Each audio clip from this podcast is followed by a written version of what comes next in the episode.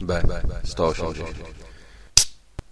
Dzisiejszy podcast grany jest na żywca, bo już naprawdę nie chce mi się robić transkrypcji. Batman Vampire to jest e, album, który jest pierwszym z serii mm, wprowadzających Elseworldy, dawniej znajdujące się poza głównym uniwersum, do głównego obecnie multiversum. E, zbiera on po raz pierwszy trylogię wampirzą, na którą składają się Red Rain, e, Crimson Mist i Bloodstorm. I mm, muszę przyznać z żalem niestety, że tylko Red Rain tak naprawdę jest e, w tym albumie wart zainteresowania. E, przynajmniej pod względem scenariuszowym, ponieważ dalej wszystko się sypie. E, dla mnie Red Rain jest dosyć szczególnym komiksem, ponieważ kupiłem go mniej więcej w 95 czy 6 roku po włosku i bardzo długo znałem go tylko w takiej formie, a to utrudniało lekturę.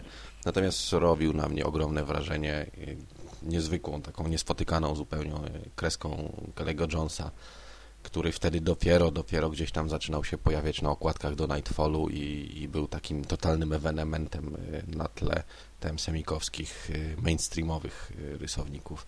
Historia jest bardzo prosta. Do Gotham przybywa hrabia Dracula, wydaje się w bijatykę z Batmanem. Mogę zdradzić, nie jest to duży spoiler, że przegrywa, ale niestety dla Batmana cała sprawa też nie kończy się dobrze. W tym momencie kończy się Red Rain, dwa pozostałe tomy trylogii eksplorują dalej wątek Batmana jako nieumarłego. Niestety trzeba przyznać, że Mensch no, nie popisał się za specjalnie. Generalnie jest kilka fajnych smaczków. Owszem, pojawia się Joker, pojawia się Catwoman, jest kilka jakichś takich całkiem sympatycznych rozwiązań, ale całość, całość robi wrażenie bardzo wtórnej w porównaniu na przykład z, z Haunted Gotham. Nie jest to, to nic zupełnie odkrywczego. Natomiast y, warto sięgnąć przynajmniej po pierwszą część y, tej trylogii, ze względu, tak jak mówiłem, na grafikę, y, która nawet jak na Jonesa trzeba przyznać, robi niesamowite wrażenie. Ten facet ma w łapie dynamit i, i jest bardzo charakterystyczny, tak jak sam Kajew, którego nie sposób z nikim pomylić.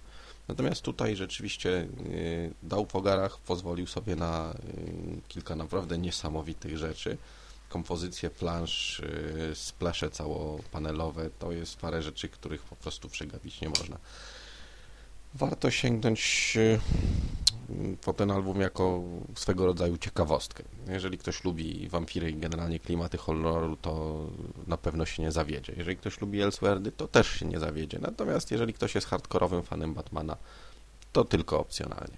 Pozdrawiam, go daję.